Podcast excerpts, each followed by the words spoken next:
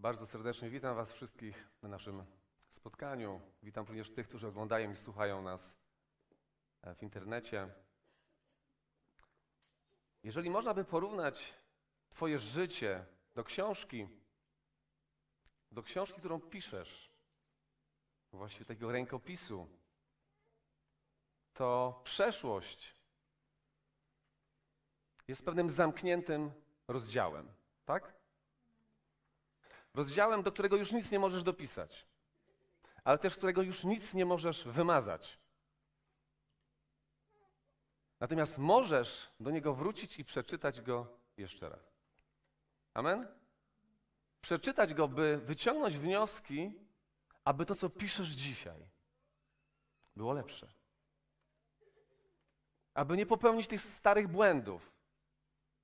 A to, co zrobiłeś i zrobiłaś za mało, albo nie wykorzystałaś, pomnożyć. Jeżeli by porównać Twoje życie do książki. Pozwólcie, że zaczniemy dzisiaj od Słowa Bożego.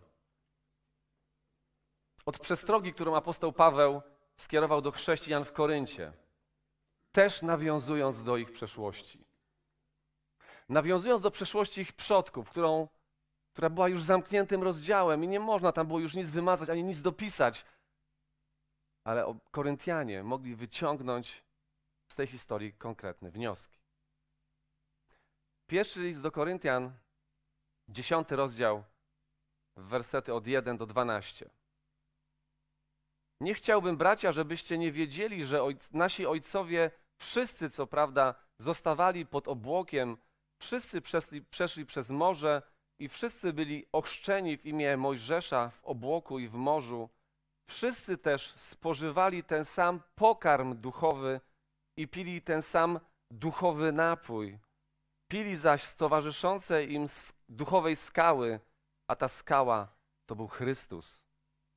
Lecz w większości z nich nie upodobał sobie Bóg. Polegli bowiem na pustyni. Stało się to zaś wszystko, by mogło posłużyć za przykład dla nas, abyśmy nie pożądali złego, tak jak oni pożądali. Nie bądźcie też bałwochwalcami, jak niektórzy z nich, według tego, co jest napisane. Zasiadł ludu, by jeść i pić, i powstali, by się oddawać rozkoszom. Nie oddawajmy się też rozpuście, jak to czynili niektórzy spośród nich, i padło ich jednego dnia 23 tysiące. I nie wystawiajmy Pana na próbę, jak wystawiali go niektórzy z nich i poginęli od wężów. Nie szemrajcie, jak niektórzy z nich szemrali i zostali wytraceni przez dokonującego zagłady. A wszystko to przydarzyło się im jako zapowiedź rzeczy przyszłych. Spisane zaś zostało ku pouczeniu nas których dosięga kres czasów. Niech przeto ten, komu się zdaje, że stoi, baczy, aby nie upadł. Słowa jakże aktualne również dla mnie dzisiaj. Odległa historia, ale mimo, że nie mogę tam nic dodać, nie mogę nic z niej ująć, mogę wyciągnąć z niej coś życiodajnego, bezpiecznego dla mnie dla moich bliskich, dla mojego kościoła. Amen? Czy nie wydaje Wam się, że zbliżamy się do jakiegoś kresu? Tak jak Paweł powiedział? Dla nas, którzy żyjemy w takim okresie, kresie czasu. Czy nie wydaje Ci się nieraz, że dochodzisz do pewnego końca, do pewnych ograniczeń, muru, którego nie możesz przeskoczyć? Albo że coś takiego się zbliża? Kochani, wszystko, co opisuje Biblia na kartach Starego Testamentu, było proroczą zapowiedzią przyszłości. Również dnia dzisiejszego. Wierzymy w to? W księdze Kocheleta, inaczej w kaznodziei Salomona, w pierwszym rozdziale, dziewiątym wersecie czytamy: To, co było, jest tym, co będzie, a to, co się stało, jest tym, co znowu się stanie. Więc nic zgoła nowego nie ma pod słońcem. Warto więc czytać i rozważać biblijne historie Starego i Nowego Testamentu, odnajdując w nich Chrystusa, ale również odnajdując w nich siebie. Odnajdując w nich życiodajne momenty, albo takie momenty, w których będę mógł właściwie wybrać. Bo to, co było, te pokusy, które przychodziły na naszych ojców, te same pokusy, które przychodziły na naszych dziadów, dziadków, chciałem powiedzieć, przyjdą również do ciebie. Ale możesz się inaczej zachować. Albo możesz się zachować tak samo jak oni, by wziąć życie, by wziąć błogosławieństwo. Przybliżmy dzisiaj jedną z tych historii. Moi drodzy, Izrael wychodzi z Egiptu. Naród wybrany pod wodzą Mojżesza w scenerii znaków i cudów wychodzi z niewoli i idzie przez pustynię. Błąka się po niej przez wiele, wiele lat. Właściwie wiecie, słowo błąka jest dla mnie tutaj nieadekwatne, dlatego że oni szli w obecności Boga. Amen? To wiecie co, ja też chciałbym się tak błąkać. Ja też chciałbym się tak błąkać. Widzieć, jak Bóg prowadzi mnie rano i w dzień wyraźnym słupem obłoku, a w nocy słupem ognia. I Bóg prowadzi. I ci Izraelici błąkają się po pustyni albo chodzą w obecności Boga, widząc znaki i cuda, widząc rzeczy, które przerastają ludzki rozum. Uzdrowienia, woda wyprowadzona ze skały. A mimo to coś im nie pasuje. Mimo to są takie momenty, że ta ich podróż z Bogiem, no fakt, że nie, nie, nie, nie w ciekawej scenerii zaczyna ich nużyć. Może to jest tak troszeczkę jak z naszym chrześcijaństwem. Już tyle lat idziemy za Bogiem, niektórzy. I nieraz przychodzi taka myśl, jejku, czy to ma sens? Przeczytajmy sobie dłuższy fragment z Księgi Liczb, 21 rozdział, wersety od 4 do 9. Od góry Chor szli w kierunku Morza Czerwonego, aby obejść ziemię Edom. Podczas drogi jednak lud stracił cierpliwość i zaczęli mówić przeciw Bogu i Mojżeszowi. Czemu wyprowadziliście nas z Egiptu, byśmy tu na pustyni pomarli? Nie ma chleba ani wody, a uprzykrzył się nam już ten pokarm mizerny. Zesłał więc Pan na lud węże o jadzie palącym, które kąsały ludzi, tak że wielka liczba Izraelitów zmarła. Przybyli więc ludzie do Mojżesza, mówiąc: Zgrzeszyliśmy, szemrząc przeciwko Panu i przeciw Tobie. Wstaw się za nami do Pana, aby oddalił od nas węże.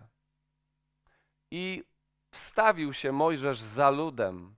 Wtedy rzekł Pan do Mojżesza: Sporządź węża i umieść go na wysokim palu.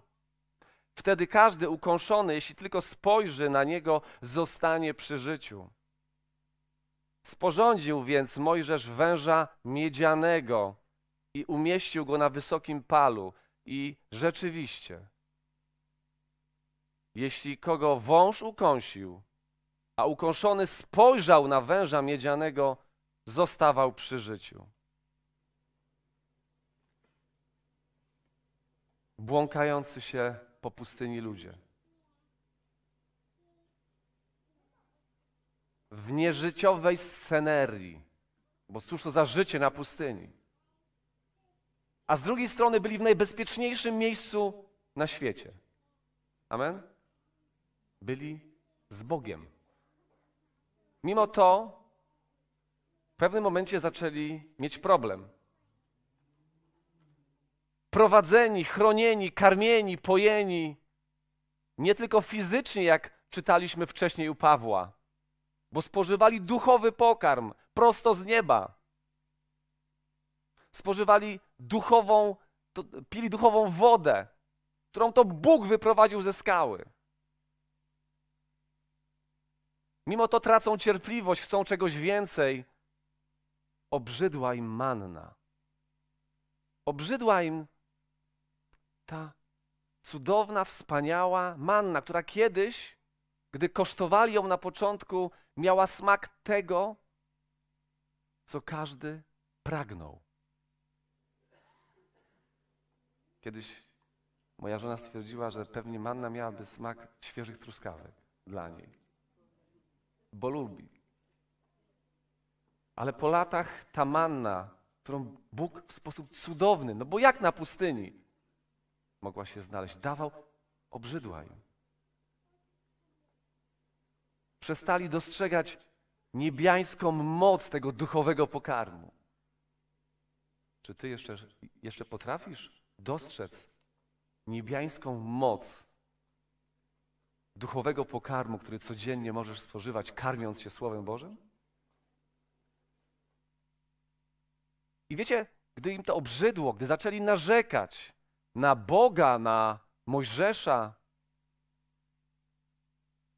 pisze, że Bóg zesłał na nich węże o palącym jadzie, które zaczęły kąsać, a oni zaczęli umierać. Ale czy to rzeczywiście Bóg zesłał na nich te węże?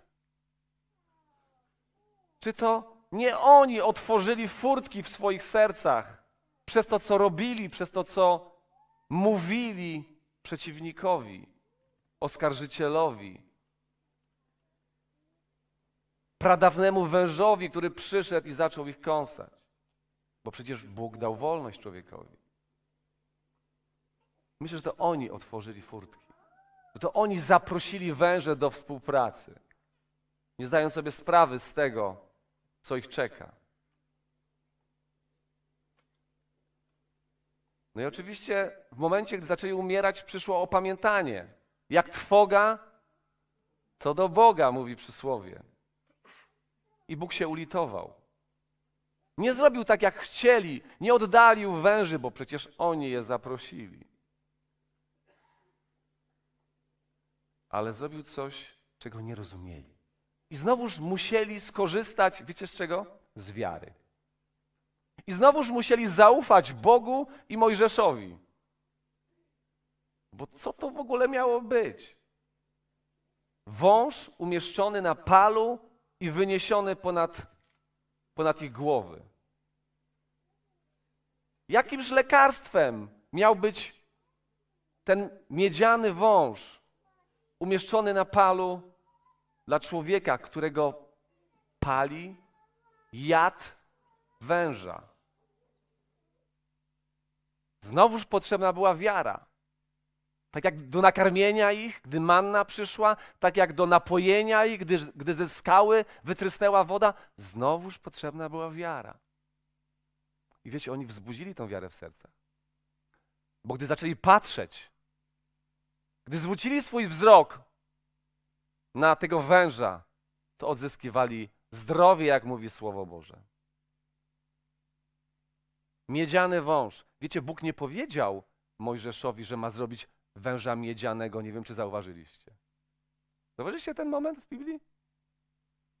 Zrób węża i umieść go na palu.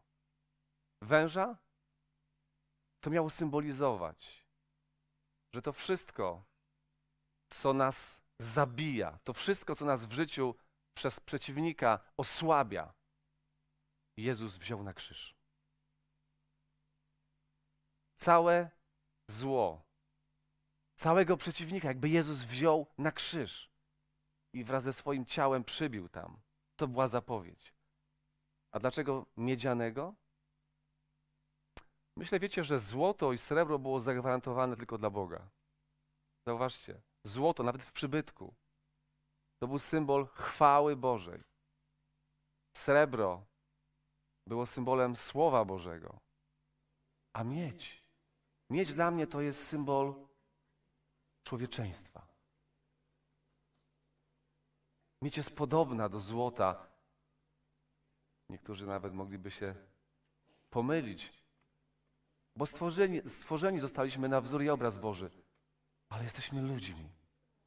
I na krzyżu miał umrzeć człowiek. Taka była cena odkupienia.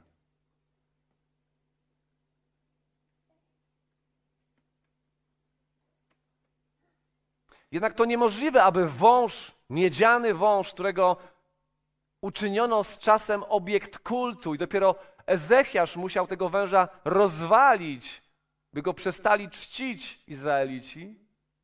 Tak. To nie wąż przywracał im życie.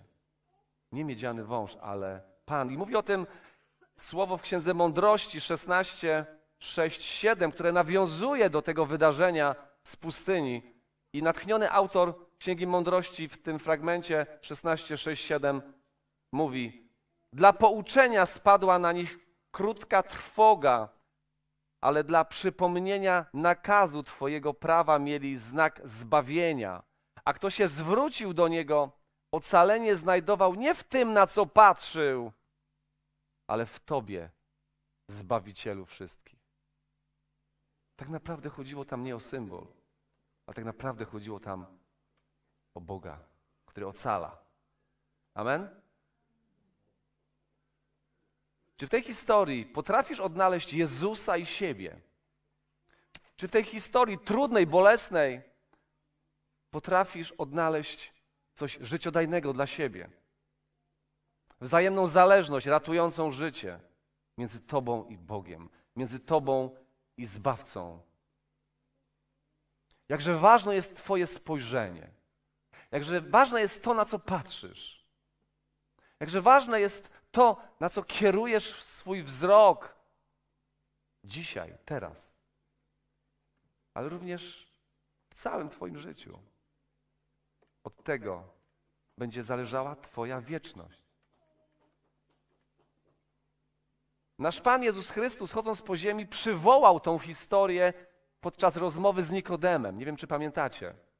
Trzeci rozdział Ewangelii Jana, gdy przyszedł do niego uczony w piśmie, wiecie, człowiek naprawdę wykształcony, któremu nic w życiu nie brakowało i przychodzi w nocy do Jezusa, w nocy, no, no bo opinia społeczna, może bał się wykluczenia i przychodzi do Jezusa ten Nikodem i tak jakby miał jakiś problem. Pozornie wszystko ma, jest bogaty, ma poważanie, ma pozycję, ale przychodzi do Jezusa, bo, bo wierzy, że jakiś jad go palił.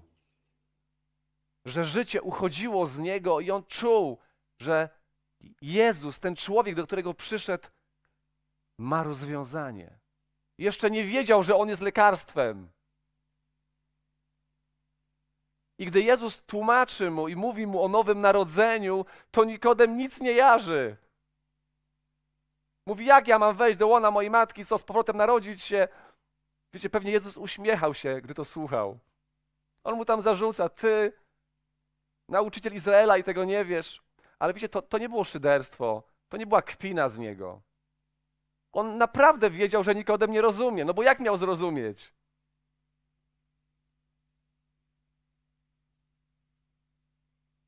I właśnie w tym kontekście Jezus mówi do Nikodema, Jan 3, 14, 15. A jak Mojżesz wywyższył węża na pustyni, tak trzeba, by wywyższono Syna Człowieczego, aby każdy, kto w Niego wierzy, miał życie wieczne. Postaw się na miejscu Nikodema. Słyszę takie słowa. Za Chiny nie wiedział, o co chodzi. No Jezus nie został jeszcze wywyższony. Znał historię Mojżesza, znał historię e, tego węża miedzianego. Ale też do końca nie rozumiał, o co chodzi. My dzisiaj wiemy więcej. My dzisiaj wiemy, że ten wąż miedziany symbolizował Jezusa, ale Nikodem? Chcę Ci dzisiaj powiedzieć, że tak naprawdę nie chodzi o zrozumienie. Że w relacji z Jezusem tak naprawdę nie chodzi o zrozumienie wszystkiego. Jakże ja mało rozumiem, jak, jakże ja mało wiem. Ale w tej relacji z Jezusem chodzi o wiarę, chodzi o bliską, intymną relację z Nim. O to, żeby się przyczepić do Niego i nie pozwolić, by ktokolwiek mnie odczepił od Niego. Jakakolwiek opinia, jakikolwiek, jakikolwiek człowiek Jakakolwiek sytuacja w życiu. I tak było z Nikodemem, wiecie? On się pojawia w Biblii trzy razy. Nikodem się pojawia tylko trzy razy w Biblii. I można by sobie zadać pytanie, czy on się na nowo narodził? Jezus mówi mu o nowym narodzeniu, on tego kompletnie nie rozumie, ale czy on się na nowo narodził? Tak. Drugi raz Nikodem pojawia się w niezwykłej historii w Ewangelii Jana 7, 50, 51. Oto arcykapłani i faryzeusze wysyłają strażników po Jezusa, aby go pojmać. Ale strażnicy są pod wrażeniem tego, co Jezus mówi i czyni, i wracają z niczym. I rozwścieczeni uczeni w piśmie zaczynają przeklinać słowami Jezusa, na co odzywa się Nikodem. Jeden z nich, jak pisze, posłuchajcie. Odezwał się do nich jeden spośród nich, Nikodem, ten, który przyszedł, e, który przedtem przyszedł do niego. Czy prawo nasze potępia człowieka, zanim go wpierw przesłucha i zbada, co czyni? Słyszycie to? Już teraz nie bał się aż tak bardzo, jak wcześniej. Już teraz nie był całkiem incognito. Już nie był po przeciwnej stronie. To był dzień. I staje w obronie Jezusa. Wiecie, może wtedy, gdy w nocy przyszedł, na nowo się nie narodził, ale życie Boże zostało poczęte w jego sercu. To jest tak, jak ktoś mi mówi, czy człowiek rodzi się na nowo w momencie, gdy oddaje Jezusowi swoje życie? Ostatnio troszkę się na tym zastanawiałem. Może to jest tak, że właśnie następuje poczęcie. I dopiero po tych dziewięciu miesiącach, jak to usłyszałem e, niedawno, bardzo, bardzo taki trafny przykład, myślę, następuje urodzenie. Może tak jest, a może tak nie jest, nie wiem. Ale nawet jeżeli na nowo nie narodził się jeszcze wtedy, gdy, Jezus, gdy, gdy przyszedł do Jezusa Nikodem w nocy, to tu już widzę, że tam coś żyło. Że tam jakieś życie było. Bo kto ma odwagę stanąć w obronie Jezusa w takim kontekście? Kiedy, kiedy to groziło odrzuceniem, a może czymś jeszcze bardziej poważnym, skazaniem, śmiercią. A Nikodem mówi: Zaraz, przesłuchajmy go. Może liczył na to, że jak go będą przesłuchiwać, Jezus powie to, co jemu powiedział, to oni też doświadczą przemiany. Może było inaczej. Ale wiecie, widzę, jak życie wzrastało, jak życie rosło w Nikodemie. I ostatnia, trzecia odsłona Nikodema ma miejsce, gdy Jezus umarł na krzyżu. I czytamy o tym w 19 rozdziale Ewangelii Jana, wersety 38-40. Potem Józef z Arymatei, który był uczniem Jezusa, lecz ukrytym z obawy przed Żydami, poprosił Piłata, aby mógł zabrać ciało Jezusa. A Piłat zezwolił. Poszedł więc i zabrał jego ciało. Przybył również i Nikodem, ten, który po raz pierwszy przyszedł do Jezusa w nocy, aby nikt nie miał wątpliwości, że to jest ten Nikodem. I przyniósł około stu funtów mieszaniny miry i aloesu. Zabrali więc ciało Jezusa i obwiązali je w płótna razem z wonnościami stosownie do żydowskiego sposobu grzebania. Przyszedł Nikodem. Po co przyszedł Nikodem do skatowanego ciała człowieka? Jaki był sens, by Nikodem przyszedł i przyniósł ponad 30 kilogramów, ponad 30 kilogramów mieszanki mirry i aloesu, wonności, 30 kilogramów ponad. Przyszedł z tym. Ściągał z Józefem Jezusa z krzyża a potem go namaszczał, jego ciało. Wpatrywał się w niego. wpatrywał się nie tylko w umęczone ciało człowieka, ale widział w nim swoje wybawienie. Bo inaczej by nie przyszedł.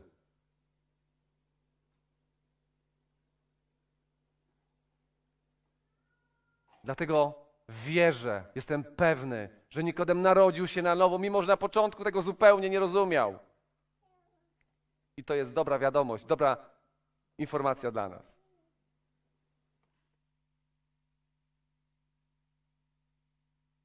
On nie patrzył tylko na zwłoki. On patrzył na króla królów. On wierzył. Nie rozumiał, ale wierzył. Wciąż, mimo że nie rozumiał, z wiarą dostrzegał w Jezusie ratunek dla siebie i może dla swoich bliskich. Wpatrywał się. Wpatrywał się. Dzisiaj zaczęliśmy to spotkanie od, od słów, byśmy się wpatrywali w jasność Pańską, a za sprawą Ducha będziemy przemieniani. Amen? Na Jego podobieństwo. Wpatrywał się. I to jest kierunek dla Ciebie i dla mnie. Wpatruj się. Tak jak wpatrywał się setnik pod krzyżem. Pamiętacie tą historię? Oprawca. Przeczytajmy sobie Marek 15:39. Setnik zaś, który stał naprzeciw, widząc, że w ten sposób oddał ducha, rzekł: Prawdziwie ten człowiek był synem Bożym. Jeszcze chwilę wcześniej był oprawcą, wyśmiewał się, kpił, szydził z Jezusa. Paweł mówi w pierwszym liście do Koryntian, drugim rozdziale, drugim wersecie. Postanowiłem bowiem, będąc wśród was, nie znać niczego więcej, jak tylko Jezusa Chrystusa i to ukrzyżowanego. To było lekarstwo nie tylko dla Pawła. To było lekarstwo dla Koryntian, dla zboru w Koryncie, który był przy, przesiąknięty, powiedzmy sobie szczerze, podziałami, nieczystością i innymi diabelskimi kwestiami. Jezu, I Paweł wiedział, że musi do nich przyjść, musi im pisać przede wszystkim o lekarstwie. A tym lekarstwem jest ukrzyżowany i zmartwychwstały Pan nasz, Jezus Chrystus. Zanim cokolwiek zrobisz, zanim coś powiesz, zanim zdecydujesz, spójrz na Niego. Obecnie walka toczy się o to, czy coś lub ktoś przysłoni ci ten zbawienny widok. Jeżeli na to pozwolisz, jeżeli pozwolisz sobie, by cokolwiek lub ktokolwiek przysłonił ci obraz Jezusa umęczonego, zaczniesz narzekać. Narzekać na żonę, męża, dzieci, rodziców, szefa, pastora, bo taka jest kolej rzeczy. Bo to już zapowiadali prorocy, bo to już wydarzyło się, a to, co będzie, to, co było, jest tym, co tym, co będzie. Wyciągnijmy wnioski i nie odrywajmy wzroku od Chrystusa. Bo jeżeli oderwiesz, to obrzydnie ci smak Słowa Bożego. Stracisz smak. Będziesz zainfekowany wirusem i stracisz smak. Smak Słowa Bożego. Stracisz smak modlitwy. Wieczerza Pańska stanie się dla ciebie mizernym rytuałem. Kiedy ostatnio spożyłeś wieczerzę Pańską, wpatrując się w Chrystusa i otwierając się na moc, która płynie z krzyża? Nie jako jakiś tam rytuał. Jeżeli tak będzie, to wpuścisz do swojego życia jadowite węże, które będą pomału cię zatruwać, aż w końcu uśmiercą. Dlatego, bracie i siostro, drogi gościu, powstańmy, podnieśmy oczy. Jeżeli trzeba, wejdźmy jak Zacheusz na drzewo, aby lepiej widzieć. aby nic nam nie przysłaniało naszego Pana, aby nic nie przysłoniło nam zbawienia, które, które wciąż niezmiennie jest w naszym Panu Jezusie Chrystusie i to ukrzyżowanym. Amen? Odkryjmy na nowo moc płynącą z krzyża. Odkryjmy na nowo moc wieczerzy pańskiej. Pamiątki. Ale nie pamiątki, która wisi na ścianie i mogę sobie spojrzeć na nią, ale pamiątki, która uobecnia pośród nas potężnego, żywego Boga. Bo taki był sens wieczerzy. Nie lekceważ mocy złamanego ciała i przelanej krwi Jezusa. Pamiętacie nasz ostatni obóz? Tak, to był? Jeden dzień poświęciliśmy na bliskość i intymność z Jezusem.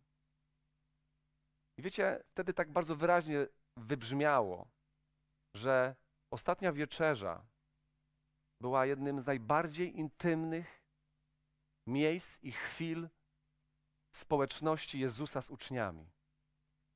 Taki jest sens wieczerzy pańskiej. Bliskość, intymność, w której bierzesz to, czego nie weźmiesz gdzie indziej. Bierzesz wtedy coś, co jest najgłębiej w sercu Boga. Przypomnijmy to sobie. Kochani, pamiętacie moment, gdy apostoł Paweł e, płynął z Rzymu do, e, płynął do Rzymu, no i w pewnym momencie tam e, mieli pewne problemy, wichura, burza na morzu, wylądowali na Malcie, tak? Pamiętacie to? I na tej Malcie, gdy rozpalili ognisko, wypełzła żmija z chrustu i uczepiła się Pawła, ukąsiła go i wszyscy spodziewali się, że Paweł padnie trupem, no bo takie żmije jak kąsały to nikt nie przeżywał, normalne. Analogicznie przypomina mi się historia z Księgi Liczb. Ale Paweł nie padł trupem. Dlaczego? Pytanie za dwa punkty. Dlaczego Paweł nie padł trupem? Bo Jezus go strzegł. Halleluja. Zbyt ogólna odpowiedź.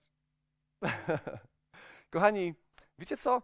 Ja dzisiaj y, może nie wyczerpię odpowiedzi, ale chciałbym Wam wskazać uwagę na jedną rzecz. Paweł wpatrywał się w Jezusa i czerpał z Jego mocy. Chcę Wam zwrócić uwagę na pewne, pewne wydarzenie, które miało miejsce tuż przed wylądowaniem na Malcie. Otóż w czasie burzy na morzu, gdy y, wszyscy stracili już nadzieję, że przeżyją, Paweł zwrócił się do całej załogi takimi słowami. Dzieje apostolskie, 27 rozdział, wersety 33 do 36. Posłuchajcie uważnie. Nie śpijcie jeszcze, bardzo was proszę. Kiedy zaczęło świtać, Paweł zachęcał wszystkich do posiłku. Dzisiaj już czternasty dzień trwacie w oczekiwaniu o głodzie i bez żadnego posiłku.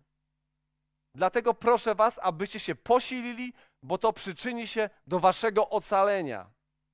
Nikomu bowiem z was włos z głowy nie spadnie. Po tych słowach wziął chleb, złożył Bogu dziękczynienie na oczach wszystkich i ułamawszy zaczął jeść. Wtedy wszyscy nabrali otuchy i posilili się. Halleluja. To była wieczerza pańska. Amen? To była wieczerza pańska. Nikt o niej wtedy nie myślał. Każdy na swój sposób próbował znaleźć ocalenie. A Paweł mówi spokojnie. Bóg mi powiedział, że nikt nie zginie, nikomu włos z głowy nie spadnie. Bo się wpatrywał w Chrystusa.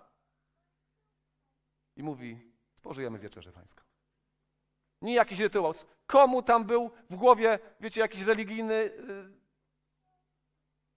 aspekt czegokolwiek. Burza szaleje, okręt ginie. Ale Paweł nie patrzył na rany. Nie patrzył na przeciwności. On patrzył na lekarza i lekarstwo. Amen? On wiedział, gdzie jest lekarstwo i kto jest lekarzem. Kochani, gdy przygotowywałem to słowo, byłem zawalony katarem. Miałem, sło- miałem zatoki zawalone. Coś mnie ukąsiło. Pewnie był jakiś powód. No. Pokutowałem, modliłem się, ale w pewnym momencie wziąłem sobie i spożyłem wieczerzę pańską. Sam. Sam na sam z Panem. I wiecie, czułem, jak w czasie tej wieczerzy wszystko mi schodzi. Nie chodzi o jakiś magiczny rytuał, tylko chodzi o to, żebyś wpatrywał się w Chrystusa. Wiecie, gdy rozważałem kwestię węża miedzianego, dlaczego miedź, dlaczego? Może dlatego, że miedź ma właściwości bakteriobójcze. Oczywiście nie dlatego tam był wąż miedziany, ale gdy rozważałem potem Chrystusa na krzyżu, wszystko puszczało. I wierzę, że stoję tutaj przed wami dlatego, że się wpatruję w Jezusa ukrzyżowanego, którego Ojciec wzbudził z martwych mocą, która jest dostępna dla Ciebie również. Amen? W psalmie 63, w trzecim wersecie czytamy. W świątyni tak się wpatruję w Ciebie, bym ujrzał Twoją potęgę i chwałę. Powtórzcie to wszyscy głośno.